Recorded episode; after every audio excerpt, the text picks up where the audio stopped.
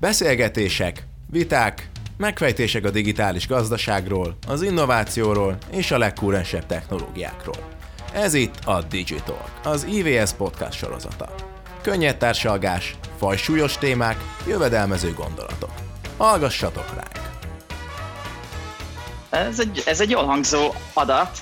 Uh, igaz, igazából ez szerintem minden exponenciális folyamatra igaz, hogy az utóbbi nagyon kevés időben történt a legtöbb. Tehát mondjuk a, a, valami ilyen adat is igaz, most nem tudom pontosan a számokat, de hogy ma a Földön élő emberek száma az több, mint korábban az összes ember, aki a Földön élt valaha. És akkor ez is az exponenciális növekedés miatt igaz, ugyanígy ez az adatokra is valószínűleg igaz. A, big data, ugye arról, arról beszélünk, hogy big, big, a big data korában élünk, nagyon sok adat keletkezik, nagyon sok adatot és információt fogyasztunk vagy használunk fel, de, de akkor a, mert, az azért, ez most már egy eléggé a köznyelvben, legalábbis a, az informatikába, az információ, információgazdasággal foglalkozó embereknek elég így a köztudatába ivódott fogalom, és napi szinten használjuk, de, de én még úgy igazándiból nem nagyon láttam leírva a definíciót, hogy tulajdonképpen mi is az a big data, mitől big data, ez neked mi, mi, a, a, mi a, a te definíciód?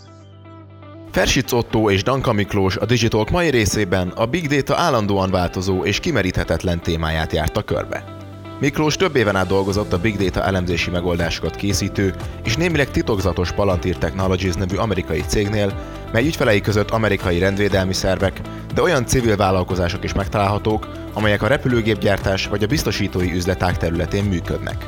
A fiatal szakember tapasztalatai alapján első kézből kaptunk információt arról, hogy ezek az adatelemző eszközök és módszerek ténylegesen milyen célt szolgálnak, miben nyújtanak segítséget a rendőrség vagy az üzleti döntéshozók számára. A beszélgetés során kiderült az is, hogy az emberi tényező figyelembevétele nélkül nem lehetünk sikeresek sem a big data elemző rendszerek fejlesztésében, sem azok alkalmazásában.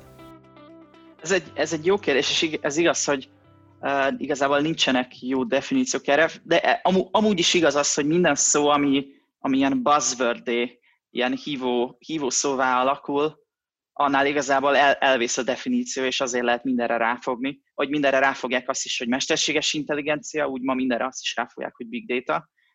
Alapból szerintem onnan jöhetett, vagy onnan indult, hogy, a, hogy mi az az adatmennyiség, amit mondjuk egy laptopon vagy egy szerveren naív, klasszikus megoldásokkal nem lehet kezelni. Tehát ha mondjuk van egy van néhány trillió szenzoradatom, azt nyilván nem tudom egy Excel táblába beimportálni és egy chartot rátenni.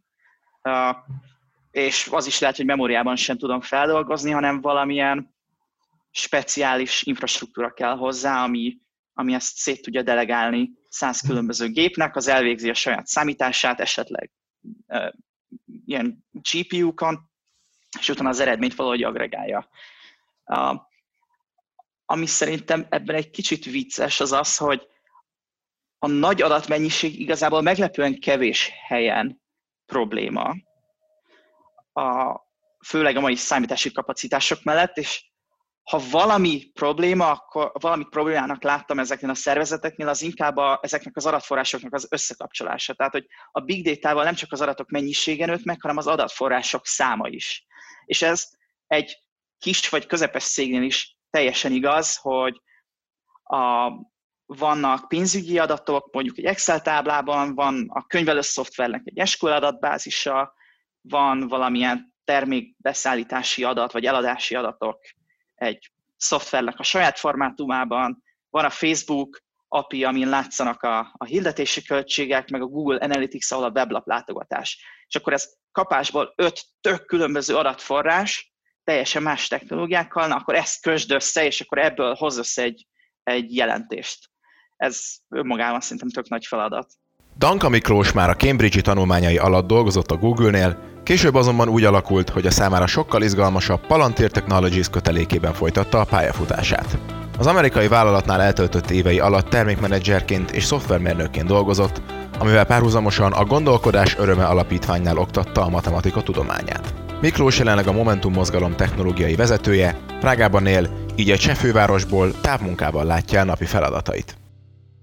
Na, szerintem ez egy ilyen szuper megközelítés, mert, mert tulajdonképpen én is valami ilyesmit gondolok, hogy, tehát, hogy nem csak arról van szó, hogy jóval több adat van, hanem jóval kevésbé struktúrált és jóval heterogénabb adatokkal dolgozunk, és azokból kell információkat kinyerni. Itt ugye a, most én használtam ezt a szót, hogy, hogy, hogy kevésbé struktúrált, mert te mondtad azt, hogy mondjuk Facebook meg ugye más szöveges, meg adott esetben ugye beszélhetünk kép, képi információkról. Az én szememben a abszolút nem következik a, az elnevezésből, tehát a bigből, meg a datából, de praktikusan tényleg arról van szó, hogy olyan adatokat is fel tudunk dolgozni, amelyeket korábban mondjuk egy, egy, egy mondjuk sima adatbázisban, tehát egy relációs vagy egy multidimensionális adatbázisban tárolt módon igazándiból nem dolgoztunk, illetve eszünkbe se jutott, hogy mondjuk közösségi médiában lévő posztokból például a termékünkre vonatkozó ügyfelek által artikulált véleményt ki akarjunk nyerni. Úgyhogy, úgyhogy akkor, akkor nagyjából elérkeztünk odáig, hogy az, onnantól kezdve, hogy látjuk, hogy mennyivel sokkal, sokkal több adat van, meg hogy mi is ez a sokkal több adat, akkor, akkor szerintem beszéljünk arról, hogy milyen tapasztalataink is vannak, illetve neked, Miki, milyen tapasztalataid is vannak ezekkel az adatokkal való dolgozással. Te ugye jó sok évet lehúztál a Palantír nevű cégnél, amiről majd mindjárt kicsit beszélünk, hogy, hogy azért kicsit így médiának is köszönhetően félre van ismerve, mint például én is, aki hát helyek közel szakmabeli vagyok, én is először a szenzációsabb, mondjuk az, hogy bűnültözéssel kapcsolatos, titokzatos, vagy a titkok, részben titkok homályába merülő részekről hallottam Palatírt illetően, de valójában ugye ez egy, ez egy big data elemzéssel foglalkozó rész, ami szerintem nagyon izgalmas, de én úgy, úgy egyszerűen nem tudom elképzelni, hogy valaki hogy köt ki a Palantírnál, és szerintem Miki erről mesélhetnél egy picit, hogy hogy, hogy, hogy jött ez az ötlet, hogyan keveredtél oda, amit láttál ott, mi, mi volt ez a palantíros sztori?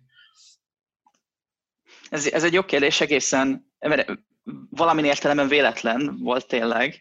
A, én a, ugye a Cambridge-be jártam egyetemre, számítógép tudományi szakra, és, és ott gyakori, gyakori volt az, hogy az ember nyári munkára megy, ilyen internshipre, és akkor én a Google-höz mentem Kaliforniába ami mindenképpen egy nagy élmény volt, így uh, diák programozóként. A, uh, a Google vagy Kalifornia volt a nagyobb élmény egyébként diákként?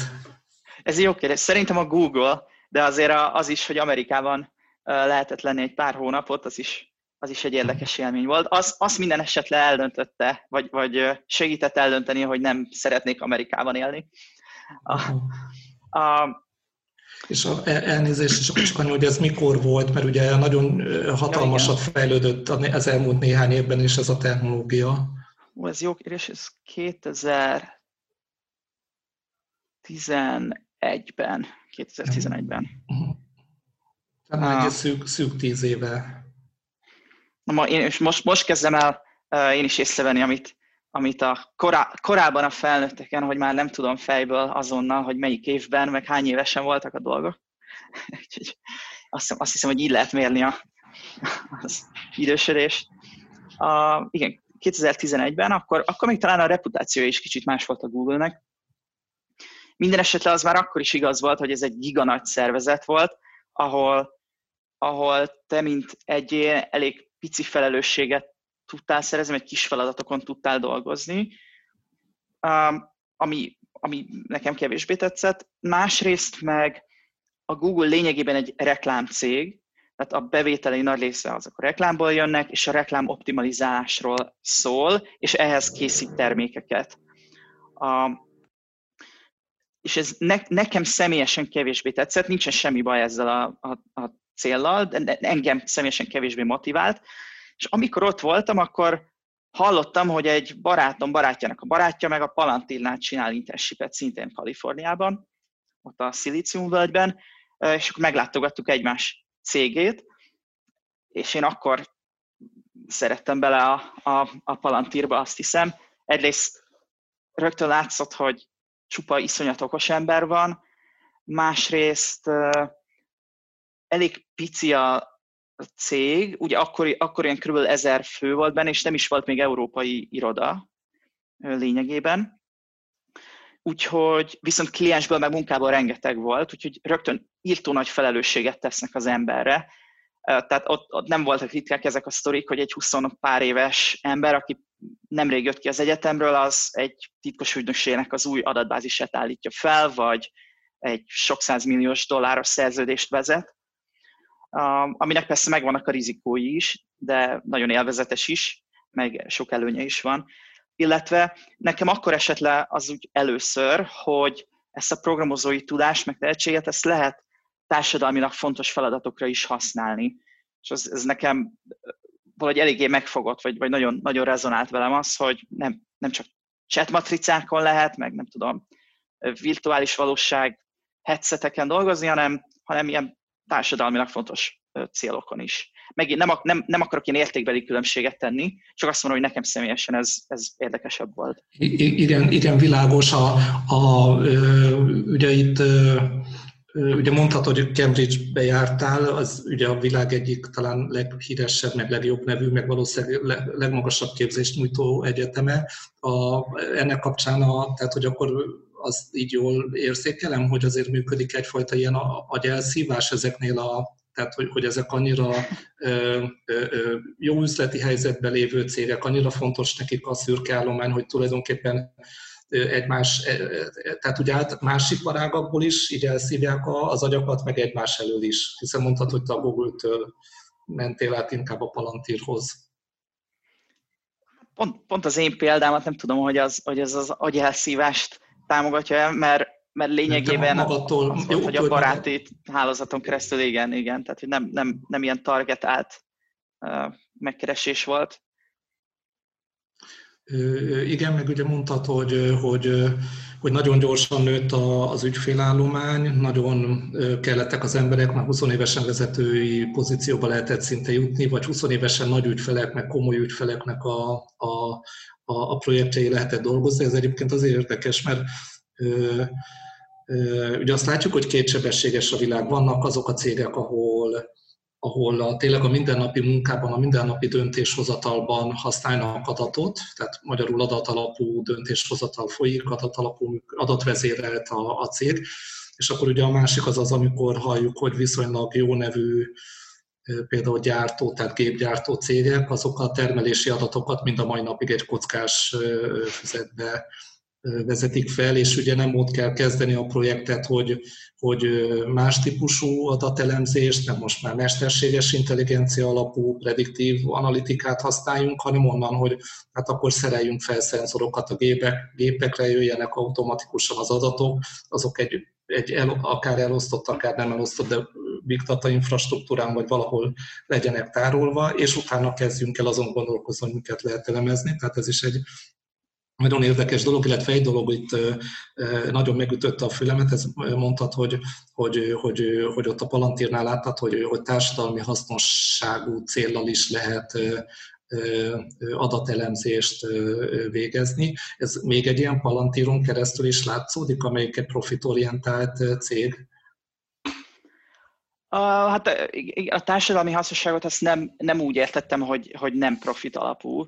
Tehát az, a kettő azt szerintem nem, nem zárja nem ki egymást, ki egymást meg nem, nem azt jelenti. Inkább arra, arra értettem, hogy akkor biztosan, és talán most is a, a völgyben mondjuk menőbb volt egy, egy ilyen B2C cégnél dolgozni, ahol, a, ahol valami olyan terméket csinálsz, ami mondjuk sok millió vagy, vagy százmillió emberhez jut el, a, ahelyett, hogy egy olyan nem szexi problémán dolgozni, hogy egy állami intézményben, ami tele van bürokráciával, próbáld meg kisajtolni belőlük az, az adathozzáférést, hogy integrálhassd a rendszerbe, és akkor talált ki, hogy az a 20 éve nem dokumentált adatbázis, amiben az oszlopoknak nevük sincsen, csak az, hogy string 1, string 2, string 3, az melyik, melyik mit jelent, és ez hogyan kapcsolódik egy nyomozáshoz. A, tehát, hogy a, a, ezek a, szerintem ezek az állami, meg ilyen B2B feladatok kevésbé voltak érdekesek, és holott ugye ezek a szervezetek tartják fenn a társadalmunkat. Tehát ahhoz, hogy uh, mondjuk a terror elhárítás jól működjön, ahhoz, meg, meg ahhoz, hogy megtaláljuk a, a bűnelkövetőket, ahhoz fontos, hogy ez egy hatékonyan működő szervezet legyen, és nekik senki nem csinált olyan, olyan szintű technológiát vagy eszközöket, mint ami a Silicium völgyben szokásos volt. A, a, a, és akkor végül is, ugye most te is azért az ilyen izgalmasabb mozifilmekbe is élő részeit kezdted el mondani a, a, a, a munkának, hogy végül is akkor a, a Palantír, jó, hát mindenki megnézheti a webben, meg most persze én is megnéztem, mert utána néztem, de végül is akkor ugye ez egy ilyen adatos világból jövő cég, vagy inkább azt mondom, hogy ők azok, akik talán ezt a kultúrát megteremtették, hogy adatelemzést szervezetek számára, és akkor ugye ebből nőttek ki magát világcégé, de, de egy viszonylag széles ügyfélköre van. Tehát nem csak, nem csak állami szervek. Igen, ez, ez igaz. Tehát kezdetben kez, tehát az állami szférával kezdődött az egész, és onnan ment át a, a, a tágabb ipari vagy, vagy kereskedelmi területre is. Ez és érdekes, mert e- ezt egyébként én se tudtam, hogy én azt hittem, hogy fordítva volt. Én azt hittem, hogy volt jó sok cég, aki jó sok pénzt fizetett azért, hogy elemezték az adataikat, és ezáltal mondjuk új ügyfeleket tudtak szerezni, meg gyártási költséget tudtak csökkenteni, és akkor úgy lecsapott rá a rendőrség, hogy rájött hittek, hogy, hogy nem, nekik is nem. jó lesz. Nem, sőt, az, na, az egész az úgy kezdődött, um, ugye a Peter Thiel az egyik alapító, aki a PayPal-nak is a, a, a vezetője volt, meg talán alapítója. A, ott, ott jöttek rá arra, ugye ez egy, ez egy online fizetési rendszer, és sok volt rajta a csalás. Hát már tipikusan... mint a PayPal, a, ugye a PayPal-ról beszélünk. Igen, igen, a, a, a PayPal-ra, a gondolok. A, Ugye sok ilyen cég úgy próbálta ezeket a csalásokat um, megakadályozni, hogy erre automatizált rendszereket építettek ki, mondjuk machine learning-gel, vagy, vagy ilyen tanulási módszerrel próbálták felismerni ezeket a csalási mintákat, de ugye ezzel az a baj, hogy az elkövetők viszont emberek, tehát nagyon gyorsan tudnak alkalmazkodni a, ezekhez az algoritmusokhoz. Akkor a PayPal-nál találták azt ki, hogy ötvözzék a, azt, amiben a gépek jók, azzal, ami, amiben az emberek jók. Tehát nem, nem azt próbálták lekódolni, hogy az algoritmus az teljesen mondja is meg, hogy mi, a, mi az, amit uh, csalás, hanem, hanem az algoritmus az találjon csalás gyanús eseteket, ez, ezeket valahogy priorizálja, illetve tegye elérhetővé a, a, a rendelkezésre álló adatokat és könnyen vizualizálhatóvá és elemezhetővé az elemzőknek. De végül emberi elemzők döntötték el, hogy valami csalása, és akkor ők ugye, ugye így, így, így ilyen emberi intelligencia harc volt, tehát hogy ők tudtak reagálni arra, hogy a bűnözők mit csinálnak, és így sikerült megakadályozni, vagy, vagy így, igazából így emelkedtek ki a többi uh, ilyen cég közül.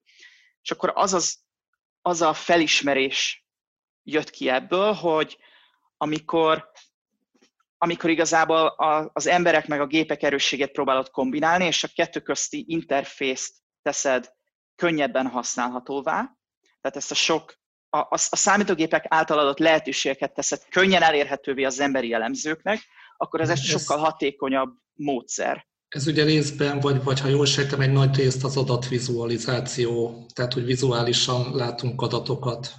Hát a vizualizáció az egy dolog, de ebben nagyon fontos szerepe van az, az interakciónak is. Tehát például, hogyha én látok valamilyen vizualizált, vizualizációt, és aztán bennem fölmerül egy kérdés, akkor mondjuk sok esetben, mondjuk egy vezető, aki lát egy riportot, az utána megírja a kérdést, elküldi egy departmentnek, majd egy hét múlva hozzák rá a választ. Itt az is fontos volt, hogy az eszköz az az valós időben tudjon neked reagálni, akkor is, amikor írtó nagy adat mennyiségekről van szó. Tehát, hogyha én látok egy vizualizációt, akkor az interaktív, ha nekem van egy kérdésem, és bele akarok nyúlni csak egy részszalmazba, akkor azt rögtön meg tudom csinálni. Tehát nagyon-nagyon máshogy gondolkodik és elemez az ember, amikor rögtön tudja rögtön tud az adathalmazban bogarászni, és azzal, azzal dolgozni, meg amikor várni kell egy hetet, vagy akár csak 15 percet is. Tehát ha el kell mennem egy kávéra, a, amíg a gép gondolkodik, akkor már nagyon máshogy zajlik az elemzés. Akkor nagyon meg kell gondolnom, hogy mit csinálok. Tehát itt, itt tényleg nem csak a vizualizációról, hanem egy, hanem egy ilyen együttműködésről, valamilyen szorosabb interakcióról van szó. I- igen, igen, egyébként szerintem is ez a fontos, mert ugye én a, a mesterséges intelligencia oldalról látom azt, hogy ugye a, és már nagyon sok helyen elhangzott, mert nagyon sok helyen én is elmondtam, hogy, hogy a mesterséges intelligencia az egy olyan technológia, ami mesterséges, de nem intelligens, tehát az emberi intelligenciát nem pótolja, hanem egy adott feladatra, ugye ezek tanuló algoritmus, ami jól rá tudunk tanítani, de a, arra, arra a komplexitásra, meg azokra az intuíciókra, meg arra mondjuk adott esetben információ hiányos környezetben, hogy próbálgassunk többfajta megoldást, és akkor majd ebből valamelyik jó lesz. Erre, a, erre a, az emberi gondolkodásra ugye nem tudjuk úgymond rátanítani az algoritmusokat, tehát, tehát ennek kapcsán is azt szoktam mondani, meg azt szoktam mondani, hogy kooperatív rendszerekre van szükség, tehát a gép előállít valami fajta adatot, javasol valami fajta döntést, és segít nekünk, hogy, hogy aztán mi ezt tovább vigyük vagy hogy nekünk ötleteket adjon. Erre egyébként talán picit más terület, hogy ugye mesterséges intelligencia segítségével orvoskutatás, gyógyszerkutatásban használt molekulákat lehet létrehozni, meg hát mindenfajta más molekulákat, és az egyik ilyen cégnek a biológusa, kutatója mondta azt, hogy neki tulajdonképpen azért volt érdekes az, hogy a mesterséges intelligencia molekulákat hozott létre, mert nem is az a lényeg, hogy ezeket tudták-e használni, vagy nem, hanem hogy neki ötleteket adott, hogy akkor milyen irányba induljon el, milyen jellegű más molekulákat is lehetne mhm. létrehozni. Tehát ez minden területen igaz, ez, ez nekem most így egy nagyon nagy felismerés volt, vagy ilyen felismeréshez segítettél hozzá, hogy akkor így az adatelemzésben is ez a azonnaliság és interaktivitás, ez a mi gondolkodásmódunkat is tulajdonképpen tovább viszi, és akkor így mi, mi nekünk is lehet ötletünk arról, hogy egy, egy adott problémát, problémát hogy oldjunk meg. Ez, ez szerintem ez a azonnali és, és interaktív adat, adatokkal való dolgozás, ez egy nagyon klassz dolog. A, ez érdekes egyébként, hogy ezt az orvosi példát is mondtad, mert, mert ilyen, ilyen területen is használták, tehát gyógyszerkutatásban is használták a Palantir szoftvereit, mert ott is igazából egy adat probléma van. Aha, na igaz, igazándiból, mert, mert hát ugye gyakorlatilag az életnek minden, vagy legalábbis a legtöbb területén, ahol van valamilyen olyan adat, amit vagy alkalmasá teszünk úgy, hogy számítástechnikai eszközökkel feldolgozunk, vagy eleve olyan, ezt tudjuk használni. De na, engem, engem igazándiból egyébként nagyon ér, érdekel, hogy végül is akkor mi a, tehát amit elmondhatsz, mert nyilvánvalóan biztos, hogy mindig vannak ilyen titoktartási kötelezettségek, hogy akkor tulajdonképpen a, a, az állam munkáját, ahogy tetszik a bűnüldözés, vagy a közbiztonság fenntartásának a munkáját hogyan segíti a Palantir, mert nyilvánvalóan nem úgy, mint a Minority Reportban a, a, hogy, hogy így, a, ahol a látnoki képességgel rendelkező hármasikre egyelőre megmondják, hogy milyen büntény mikor fog bekövetkezni. Mert ugye egy korábbi podcastban azért szó volt arról, hogy van, ugye lehet azért predikciókat tenni, hogy hol fog nőni a bűnözés, hogy kik azok a tipikusan visszaeső bűnözők, akik visszaeshetnek.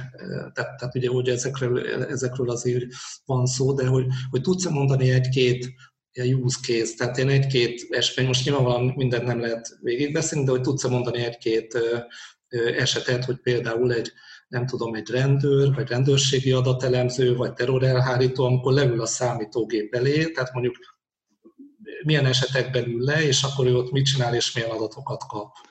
Most jó sok témát nyitottunk meg, lehet, hogy ezt megközelítem a, a PayPal sztori folytatásából. Jó, jó. Hát el, először, beszél, először beszéljünk csak arról, hogy akkor a rendőr, hogy a, hogy a rendőr, egy, egy rendőr, hogy néz ki egy rendőr napja, aki big data elemzést használ például, vagy, vagy, vagy egy adott ügyben, hogy, tehát hogy ő hogyan használja. Tehát, hogy olyan mert egyébként én mondom, én is csak azt látom, ami így a filmeken van, ugye amikor az óriás képernyőn valamit feltesznek kérdést, és akkor beírják a számítógépbe, és akkor azonnal megmutatják, hogy ki hol van, és most épp mit csinál, és hányszor ült már börtönben, és milyen típusú fegyver van a kezében, és hányszor fogja elsütni a következő 10 másodpercben, és mindezt olyan vizualizált módon, hogy a mozifilm nézőknek ez élmény legyen. De hát nyilvánvalóan nem ez a valóság. Um, na igen, szóval a, a, ugye ebből a PayPal-os felismerésből jött az, hogy ezt az elvet, ezt máshol is lehetne használni, és főleg a, a talán a szeptember 11-i terrortámadások után a, a, döntötték el, hogy rendben, akkor ebből tényleg egy céget kell csinálni, mert hogy ugyanez az elv, ez hiányzik ezekből az állami ügynökségekből, meg rendőrségekből. És akkor most, hogy így, így válaszoljak a kérdésedre. Egyrészt, egyrészt szó sincs arról, hogy ezek a szervezetek így lecsaptak volna a palantíra. Tehát a, a kezdetek kezdetén iszonyatos ellenállás volt azzal szemben, hogy néhány uh, 20 éves idegesítő nerd ott bejöjjön az ő bürokratikus szervezetükben, és, és nyúlkáljon a rendszerbe, meg, meg átalakítsa, hogy hogyan dolgozzanak.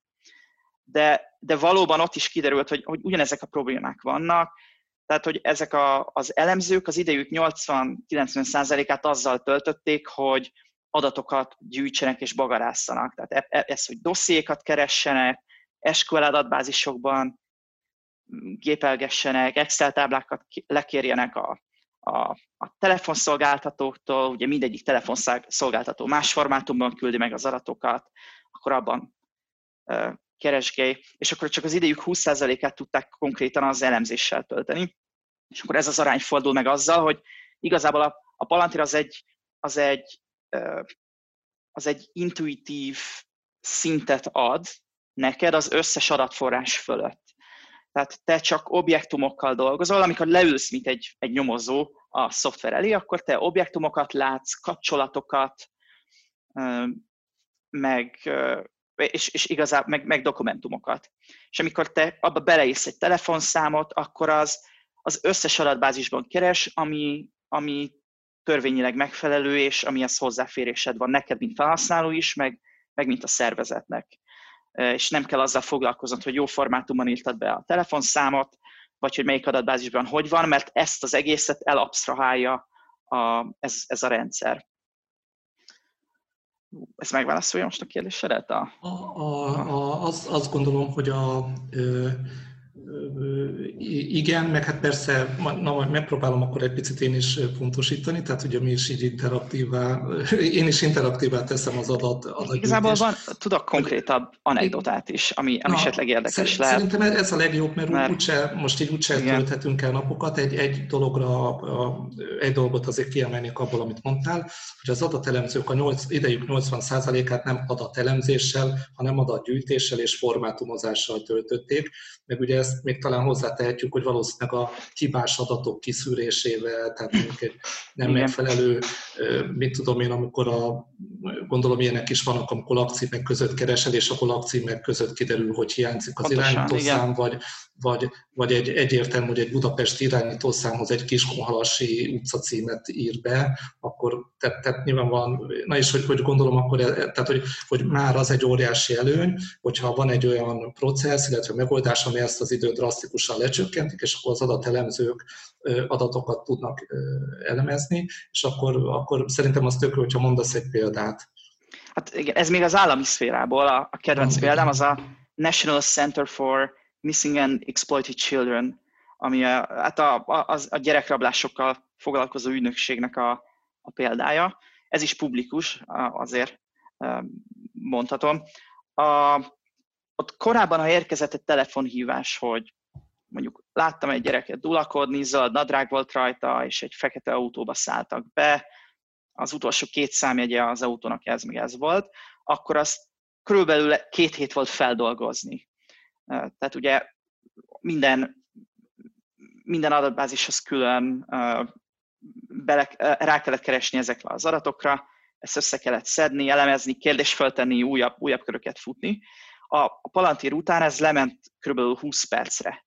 Tehát ez azt jelenti, hogy sok nagyságrendbeli gyorsulás történt. Ott volt két hétnyi munka, ami gyakorlatilag automatizálható volt, és akkor ennek olyan eredménybeli hatása van, hogy akkor egy bejelentés után szinte azonnal ki tudsz küldeni a bejelentés helyszínére egy autót, tudod azt is, hogy kit kell keresni, vagy hogy mire figyeljenek.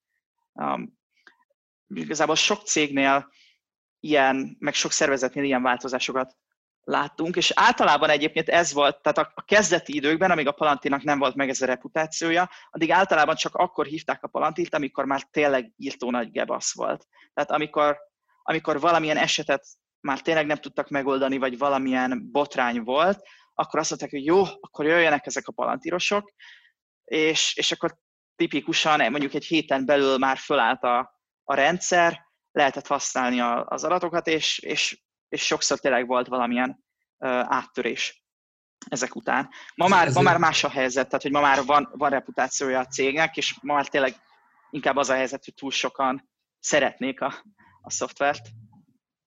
De, de egyébként ez tök jó, amit mondtál, mert a, most nem akarok mindig arra hivatkozni, hogy mert a mozifilmekben így van, stb., csak azért még, az, még így, így, ha szakember is vagy, akkor is ugye a, vagy informatikával foglalkozol, információfeldolgozással foglalkozol, akkor is nagyon sok minden van, amitől így napi szinten szak, szakmailag nem tudsz, vagy nem, nem látod, és hogy, hogy, hogy, hogy ez számomra hogy ami filmeken van, hogy amikor jön egy telefonhívás, és akkor itt ráközelítenek a térképre a monitoron, meg hogy milyen rendszámú autó, és ki a tulajdonosa, stb., akkor ez tényleg jó, hogy nem két hétig tart, hanem, hanem ez tényleg, mint ahogy a filmeken ez, ez, Igen, tehát egy bizonyos része, ezt, ezt sokszor mondták az elemzők is, hogy egy, egy, egy bizonyos része tényleg mozifilmszerű élmény nekik.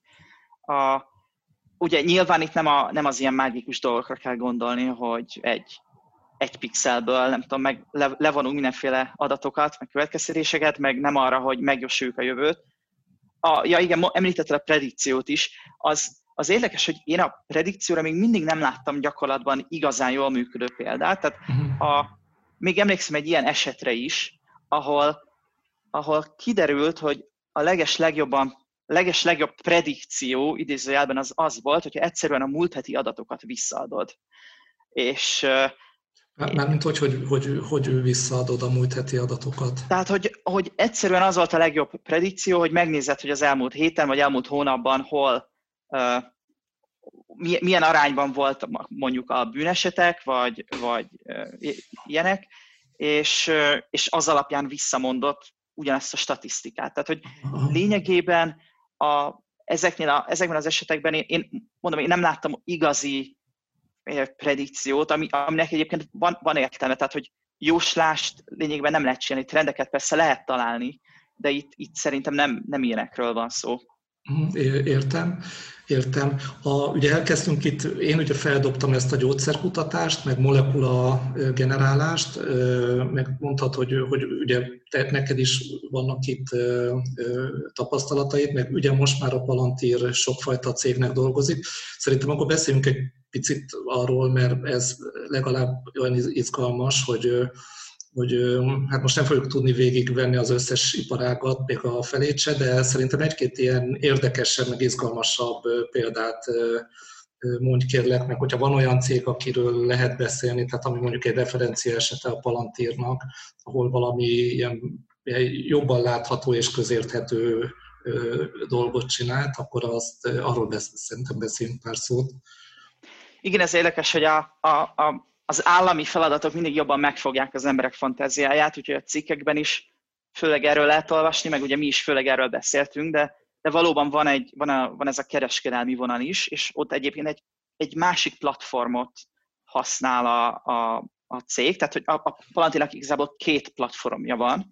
Van egy az állami szférának, egy pedig a, a kereskedelmi szférának.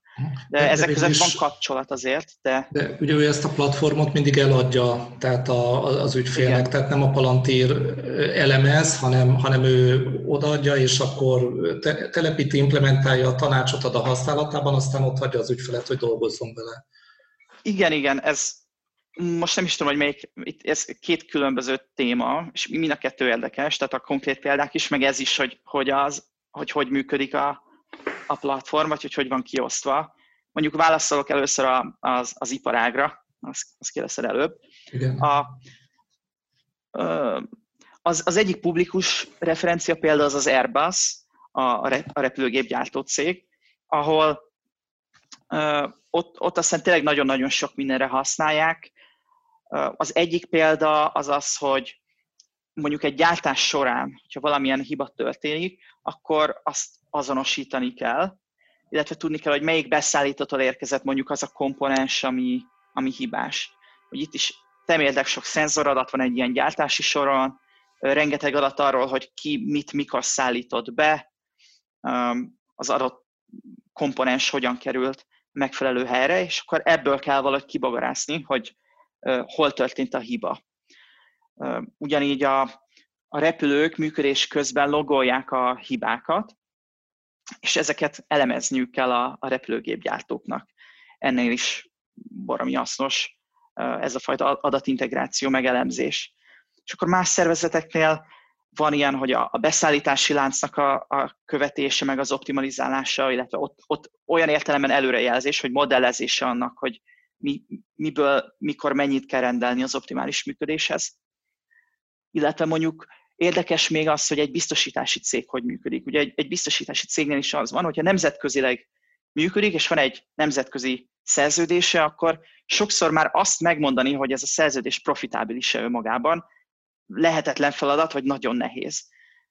Ugye sok országban jönnek a bejelentések, különböző formátumokban, akkor ezeket az adatbázisokat, meg Exceleket össze kell kötni, akkor utána valaki a, a, az, a központi anyacégben összegyűjti ezeket az Excel táblázatokat, azokat, azokat próbálja összekötni, megfelelő formátumot tenni, biztos, hogy sokat hibázik is, akkor kiderül, hogy bejön még valami adat, amit elfelejtettek, akkor lehet újra csinálni ezt az egészet, stb. Tehát egy, az már egy nagy eredmény, hogy mondjuk évente egyszer össze tudnak hozni egy riportot.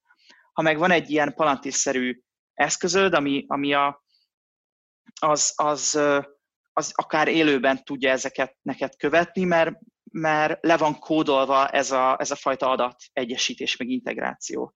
Tehát ezekben a közös, igazából nehéz iparági példákat mondani, mert mindegyiknél arról van szó, hogy a szervezetnek egy operációs rendszereként működik a, a Palantír, és, és hogy valóban ez igazából három szint van, ugye az, amikor az adatról beszélünk, van maga a nagy adatmennyiségeknek a kezelése, van az adatintegráció, a harmadik pedig az, hogy ezt operacionalizált, tehát hogy ez ebből, ebből adatvezérel döntések szülessenek. És a Palantir ezt az egészet egyben, egyben kezeli. Igen, egyébként a, a, ami szerintem a legizgalmasabb, és ami mondjuk azt én is így kicsit így nehezen tudom elképzelni, hogy hogyan kell csinálni, mert mondjuk azt így szerintem könnyű elképzelni, hogy van sokfajta adat, sokfajta formátumból, ezeket harmonizálni kell, biztosítani kell, hogy a hibás adatok kiessenek, hogy mindig aktuális adatok legyenek, ennek legyen egy infrastruktúrája, ami megfelelő kapacitású, megfelelően gyorsan dolgozik. Ugye a különböző adatprocesszálás, adatbányászati eszközök is így ismertek, még hogyha valaki nem is dolgozik velük napi szinten tudja, hogy ezeket lehet. Szerintem a legizgalmasabb dolog az az, ahonnan így, így elindultunk, ugye a humán vonatkozású, tehát hogy én, mint egy adatelemző, vagy egy, aki ráadásul adott esetben nem is profi elemző, csak az adatot elemeznem kell, meg döntéseket kell hoznom, azok hogyan kapom meg úgy az adatokat, hogy abból én döntéseket tudjak hozni, meg hogy az én gondolkodásmódomat így, így felpörgesse, vagy inspirálja. Tehát ez a, amit mondjuk így B2C-be user experience-nek hívunk. És mhm. hogy így az jutott eszembe, hogy vajon a Palantirnál is van ilyen user design, meg user experience csapat, aki így oda megy, és akkor így, így iteratíve ki, meg kipróbálja, hogy, hogy milyen legyen az a processz, meg mik legyenek azok a diagramok, meg mik legyenek azok az eszközök, amiket adott esetben egy tényleg nem napi szinten adatelemzéssel foglalkozó ember is intuitívan tud használni. Ez nagyon érdekes, hogy hogy ezt mondod, mert tényleg ez lenne a logikus, vagy valahogy ezt várná az ember. Ehhez képest mo- most, már, most már azért felnőtt a cég, de mondjuk amikor én kezdtem, akkor nagyon kaotikusan működött a, a, a cég. Tehát ott tényleg ezt kell elképzelni, hogy, hogy fogsz három mérnököt, ezeket az úgynevezett forward deployed engineereket, akik ilyen klienseknél programozó emberek, meg, meg valakit, aki azért így az emberekhez is ért egy kicsit, kiküldöd őket három hónapra ez a szervezethez, és akkor ti ott leültök, és ott, ott mindent csináltok, felállítjátok a rendszert, adatot integráltok, a, demozzátok a felhasználóknak, tréneltek, új modulokat írtok, és az derül ki, hogy ez, ez a módszer, tehát hogy igazából semmilyen UX expert nincs ott, hanem egyszerűen azt, azt csinálod, hogy ott ül a programozó, megír, megír valamilyen modult, és látja, hogy szenved az elemző, hogy így nem tudja használni, vagy nem működik. És akkor gyorsan módosít rajta ott helyben. És akkor látja, hogy jó, most jobban működik. Vagy, vagy visszajönnek egy nap múlva, hogy ez tök jó, nagyon jó, de, de olyan nehezen látom át, hogy, hogy miket is kéne csinálni. És akkor a programozó gyorsan nincsen az, hogy iterálunk egy hónapot, meg megtervezhetjük designerrel, hanem akkor gyorsan ott valamit változtat, hogy jobb legyen a, a rendszer. Ugye mondom, hogy ez, ez, ez régen volt így, ma már ennél sokkal felnőttebben működik a cég, de, de nekem az baromi érdekes, hogy, hogy egy ilyen mentalitással is egy tök jó termék jött ki belőle. Igen, illetve hát ez szerintem itt tök jó, mert akkor de, de facto ilyen user experience felelősök is voltatok, nem csak adat. Hát igen, adat, mindenki minden felelős volt. volt. A, mert azt egyébként ugye el, el is felejtettem megkérdezni, hogy, hogy, hogy te pontosan mit csináltál, hogy akkor te ilyen forward deployed mérnök voltál? Kezdetben igen, tehát ez volt az első talán öt évben. Utána voltam hiring manager is, ami azt jelenti, hogy a teljes időmben a interjú voltam, meg, meg a, a, a felvételben segítettem, és utána pedig a product developer voltam, az, az a másik fele ennek a cégnek, az a, a, akik a, a központi terméken dolgoznak. Igen, Tehát, hogy tipikusan ez volt, most megint a nagyon a tíz éves modellt mondom, de, a, de, de ez volt, hogy a forward deployed engineerek lefelesztenek valamit, emiatt a kliensnek jól működik, és utána ezt általánosítottuk valami termékre. Termékén. Tehát úgy kell elképzelni, hogy mondjuk egy, egy térkép elemző applikációt is először csak egy kliensnek csináltunk meg, de amikor láttuk, hogy az működik, akkor abból egy általános termék lett. Ma már nagyon máshogy működik, de, de azért valamilyen szempontból ez az elv megvan, tehát az, hogy most is nagyon-nagyon közel vagyunk a kliensekhez, és emiatt látjuk azt, hogy igazából mire van szükségük. És emiatt itt sokszor azt érzem, hogy, hogy, hogy nagyon előre is, tehát hogy pár évre előre pár évvel előrébb tart a Palantir bizonyos termékekben, mint, a, mint a, az iparnak a, egy része, és emiatt nehéz is bekategorizálni. Tehát a, például pont amikor a Big Data-ról beszélünk, akkor egy, a legtöbb szolgáltató az egy dolog, foglalkozik mondjuk azzal, hogy vizualizációkat csináljon, vagy azzal, hogy egy ETL rendszert építsen, vagy azzal, hogy nagy, nagy mennyiségű adatot tervezen, de olyat én még nem láttam, ami egy ilyen céges operációs rendszerként működik, és egyszerre foglalkozik a nagy adatmennyiségek kezelésével, az adatintegrációval, meg azzal is, hogy ebből aztán döntések szülessenek. Igen, igen, igen, ezt, ezt, ezt egyébként nem tudtam, hogy ez ennyire, mondani, nem, most én nem néztem meg, hogy, tehát ismerek én is több például magyar, olyan, olyan magyar céget is, ugye itt az IBS-nél is vannak ilyen tagvállalatok, akik akik adatokkal, például ipari adatok feldolgozásával foglalkoznak, vagy marketing döntéstámogatással foglalkoznak, de ez így, ez így nagyon, ez így még izgalmasan hangzik. Nekem egyébként megint a, tehát így mindig ilyenkor így a magamat próbálom beleképzelni, hogy ha én annál a cégnél dolgoztam volna, akkor egyrészt az, az, az, az nekem nagyon izgalmas lett volna, hogyha mint kb. szoftverfejlesztő vagy adatipari munkás kikerülök ügyfélhez, és akkor nem csak a, Igen adatformátumokkal kell foglalkoznom, hanem, hanem, hanem konkrét ügyféligényekkel is, és akkor így a, a még az jutott eszembe, hogy mondtad, hogy HR manager is voltál, ezt így nem is gondoltam, hogy akkor így közvetlen emberekkel foglalkoztál, hogy csak így kicsit gonoszkodva kérdezem, hogy akkor saját magatoknak is fejlesztettetek valami olyan platformot, ami például az emberek felvételét, meg az emberek analizálását segítette? Nem, nem, a, a felvételhez vannak, ahhoz már vannak jó szoftverek, hogy azt menedzselt, hogy ki, kinek milyen interjúja volt. Az igaz, hogy maga a felvételi procedúra, az, az vagy, vagy a felvételi elvek, azok elég egyediek. Um, tehát, hogy nagyon más más aspektusokat keresnek egy Palantir mérnöknél, mint mondjuk egy Google-nél. Részben amiatt, hogy nagyon-nagyon vegyesek ezek a, ezek a pozíciók. Tehát uh, mondjuk egy forward deployed engineernek nem tehát nagyon mások azok a feladatok, ahol adott egy specifikáció, és azt kell helyesen leprogramozni, a lehető legprecízebben és legjobban fenntartható módon, és nagyon más az, amikor egy alul definiált problémát látsz, azt, azt látod csak, hogy valamit nem megy a, a nyomozóknak, vagy, a, vagy az elemzőknek, vagy valamilyen ö, probléma van, de ők se feltétlenül tudják, hogy mi a, mi a gond, és neked kell ebből a, az alul definiált problémából valamilyen megoldást csinálni. Igen, Tehát másfajta gondolkodás kell hozzá, meg, meg másfajta elvek. Tehát ebben nem is prioritás az, hogy, hogy egy baromi jól működő rendszert építs, mert sokszor prototípusokat kell építeni inkább, hogy gyorsan kitalált, hogy mi a jó megoldás. Uh-huh, uh-huh. Igen, ez világos. Nekem ebből, mondom, az egészből az jött le, hogy, hogy ti tulajdonképpen nem de jó, tehát kellett, kellett hozzá egy nagyon alapos informatikai tudás, meg információmenedzsment tudás, de azért alapvetően itt ilyen az ügyfeleknek tanácsadói voltatok, vagy vagytok. Úgyhogy ez, ez, egy, ez egy nagyon izgalmas dolog.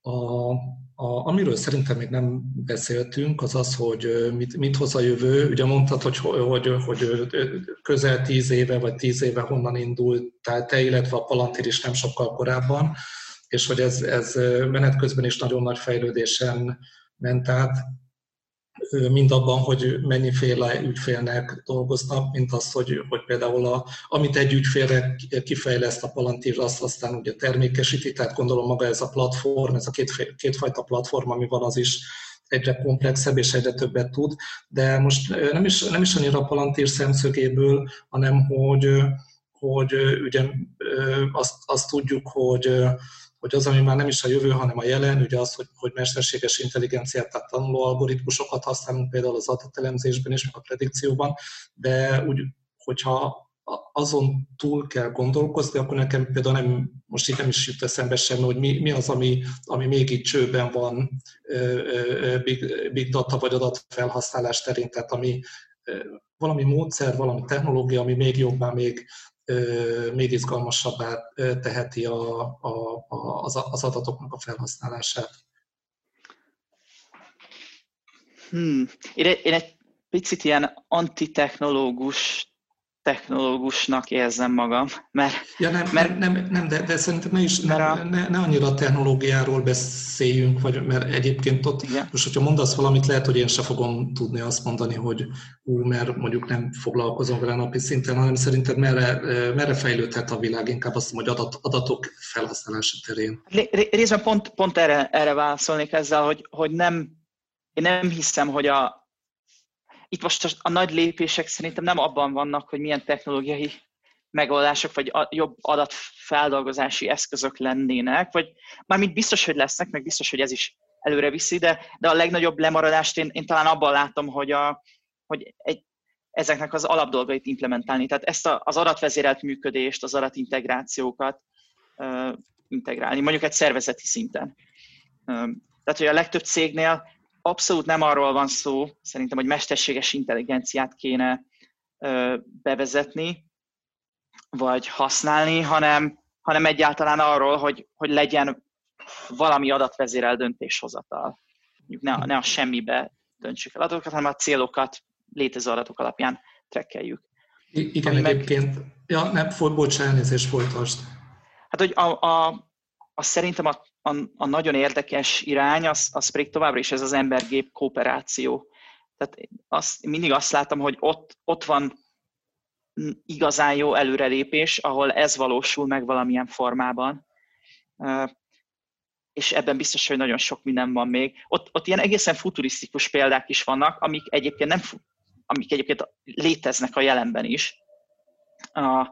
Tehát az, az egyik ilyen kedvenc példám az, az az, hogy egy, va, egy vak ember, na igen, tehát volt egy katona, aki megvakult a háborúban, és neki tettek a, egy kamerát a fejére, ami talán 5x5 pixel volt benne, és csak fekete-fehér, tehát nagyon-nagyon alacsony felbontású, és ez a minden egyes pixel egy elektródához volt kapcsolva, egy négyzet alapú lapon, és ezt a lapot a nyelvére tették. Tehát a következő történt, hogy amerre fordult, ugye ezt a kamera regisztrálta ezt a képet, és ahol világosabb volt a pixel, ott egy erősebb jelet kapott a nyelve. Ennyi történt, és talán egy órán belül az agya felismerte ezt, mint vizuális input. Tehát konkrétan az embernek látás élménye volt. Úgy érezte, hogy lát. A, ez szerintem elképesztően érdekes, tehát hogy itt valami annyira, annyira flexibilis az agyunknak a működése, hogy még egy ilyen, egy ilyen dolgot is vizuális jelnek tud értékelni. A másik ilyen hasonló érzékbeli, vagy érzékszervi példa az a, az a Navibelt nevű eszköz talán. Az úgy néz ki, hogy egy övet vesz az ember magára, amin van talán 16 motor körben, és mindig az a motor rezeg, amelyik észak felé mutat. És hogyha az ember ezt folyamatosan viseli, akkor kialakul egy, egy teljesen ösztönös érzéke a, az irányokkal kapcsolatban. Tehát, hogy nem, nem gondolkodás szinten, vagy nem tudatosan kell irányt választani, hanem egyszerűen csak sokkal jobb lesz a navigációs érzéke, illetve a, az egyik ilyen példában az, az, az ember azt mesélte, hogy az álmában is ö, azt érezte, hogy nem csak látott meg halott dolgokat, hanem, hanem az irányt is érzékelte. Azt szerintem ebben, ebben baromi érdekes lehetőségek lesznek. Igen, ez, ez, ez egyébként itt tök jó, mert egy picit a, ugye én a mesterséges intelligencia oldaláról foglalkozom, vagy olvasgatom azokat a termékeket, amik például vakoknak és gyengéllátóknak szólnak, de pont erről a, ezekről a ötletekről amelyek, amelyek hogy mondjam, sokkal inkább ilyen embergép együttműködést feltételeznek, mint mondjuk az, hogy felveszel egy szemüveget, ahol a kameraképet egy, egy szöveg felolvassa neked, vagy, vagy szövegfelolvasó felolvassa neked, tehát ehhez képest ezek szerintem még izgalmasabbak. És, és hát ezekről még többet lehetne beszélni, meg persze így még még többet lehetne beszélni, de tulajdonképpen így lassan kifutunk a, a, az időből. Szerintem zárásnak tegyük fel a, azt a kérdést, amit így mindig szerintem minden, minden ilyen esetben, minden ilyesmi jellegű beszélgetésben azért úgy megkérdezünk egymástól, meg magunktól, meg amiről is szoktunk sztorizgatni, hogy mi mennyire bízunk ezek után az államban, hogy az ilyen palantír, meg palantír típusú cégek az adatainkat, azokat biztos, hogy jó célra használják-e fel. Nekem például, megmondom őszintén, mindig van, van ilyenkor egy ilyen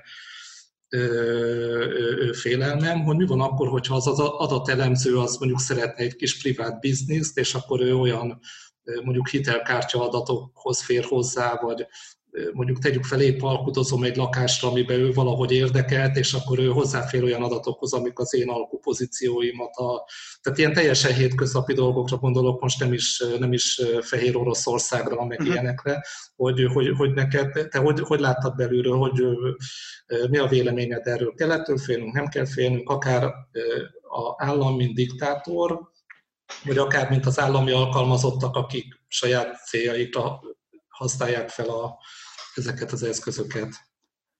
Ez is egy elég jó kérdés. A, ugye itt, itt két szintje van. Van egy, van egy szervezeti, meg egy egyéni szintje a, a, a dolognak. Ugye egyrészt az egy gyakori félreértés, és szerintem ezt talán a Google és a Facebook miatt él az emberek fejében ez az elképzelés, hogy a Palantir az adatokat gyűjt, amiről szó sincs. Ugye a Google meg a Facebook azok reklámcégek, ezért ők, ők tényleg sok-sok adatot gyűjtenek, mert ez alapján tudnak jobb reklámokat, meg optimalizációt adni. A Palantir semmi adatot nem, nem gyűjt, ez olyan, mint egy, ilyen értelemben olyan, mint egy Excel. A, az Excel sem gyűjt semmilyen adatot, te csak azt az adatot tudod az Excelben használni, ami neked amúgy is volt. A, a Microsoft sem veszi el az adatorat és adja el más cégeknek, ugyanígy a Palantir sem, ezek teljesen külön kliensek, akik használják a külön Palantir eszközüket. Tehát ez egy, szerintem ez egy elég fontos megkülönböztetés. Ugye ebből az következik, hogy az, hogy milyen adatok állnak rendelkezésre, azt a, a törvényhozás határozza meg, illetve mi azzal, hogy kit választunk meg. Tehát itt itt ebben nem a, szerintem nem a cégeket, meg az, ezeket az eszközöket kell uh, számon kérni, hanem a politikusokat és a törvényhozást. Tehát mi, mi ezen tudjuk ezt irányítani. És akkor a másik, a másik kérdés az pedig ez, hogy, a, hogy az egyéni szinten mi történik, vagy hogy vissza lehet élni ezekkel az adatokkal. Nyilván ez mindig, mindig veszély, és erre ezeknek a szervezeteknek megvannak a maguk kezelési módjai.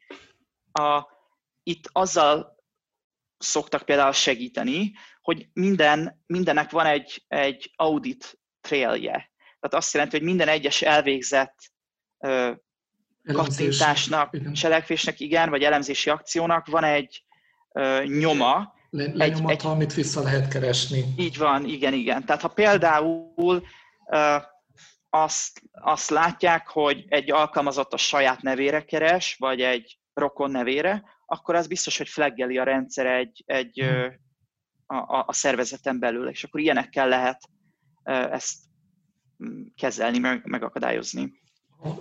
Világos, meg hát nyilvánvalóan ez, ez is egy, egy, egy, egy érdekes téma, de, de egyetértek azzal, hogy ez inkább politikai kérdés, tehát, tehát hogy mennyire bízunk a rendszerben, mennyire bízunk a politikusainkban. Egyébként egy olyan nagyon súlyosnak egy demokráciában nem gondolom a helyzetet. Ha meg diktatúra van, akkor ugye megint nem az informatikai rendszerekkel van probléma, hanem a, a, a diktatúrának a diktatúrát létrehozó és fenntartó emberekkel. Szerintem ebben az is érdekes, hogy a, ugye az, hogy ez valóban egy szürke zóna, tehát az egy, ez egy etikailag ö, konfliktusos és, és nehéz kérdés. És ilyen szempontból ugye, ugye sokan kérdezték mondjuk tőlem is, hogy miért dolgozom egy, egy ilyen területen, ami etikailag konfliktusos. Hát pont azért, én azt szeretném, hogy olyan emberek dolgozzanak ezen a területen, akik, akik aggódnak emiatt, akik sokat gondolkodnak ezen, és akik próbálnak erre megoldásokat találni. Tehát én, én azt szeretném, hogy ne, ne más dolgozzon ezen, hanem igenis mi dolgozzunk rajta, mert tudom, hogy, hogy mi egy ilyen értelemben megbízható közeg vagyunk. Igen, igen, igen, igen, szerintem ez is egy, egy ilyen nagyon érdekes kérdés, hogy, hogy akik befolyásolhatják a napi szinten, a napi munkaszintjén, azok, azok jó irányba befolyásolják. Úgyhogy ezt így köszönöm, hogy, hogy mondtad, Miki, így zárszóként. És hát így körülbelül ennyi fér bele, egy nagyon nagy témá, a Big Data-ról szóló Big, Big, Big témának egy, egy ilyen zanzásított verziója, ahol súroltuk a felszínt, meg, meg néhány helyen egy picit bejebb mentünk, és én itt nagyon remélem, hogy itt az IVS Digital sorozatában lesznek még olyan alkalmak, amikor erről még többet tudunk majd beszélni. Úgyhogy Ez köszön, nagyon, nagyon élvezetes, nagyon élvezetes téma volt, meg tényleg azt érzem, hogy erről még órákat tudnánk beszélgetni. Igen, nekem, nekem egyébként most személy, személy szerint ez, amiket mondtál, mondom annak ellenére, hogy azért olvasom a szakmai cikkeket, ugye én is hasonló témakörben mozgok, azért itt én is tanultam sok mindent. Úgyhogy még egyszer köszönöm a beszélgetést. Ja, én is köszönöm. Ez volt a Digitalk, az IVS podcast sorozatának legfrissebb kiadása. Ha mindent tudni akarsz a digitális gazdaságról, az innovációról és a legújabb technológiákról, akkor kövesd a műsort az IVS platformjain. A műsorral kapcsolatos észrevételeket, ötleteket a digitalk.ivs.hu e-mail címen várjuk. Hamarosan újra találkozunk.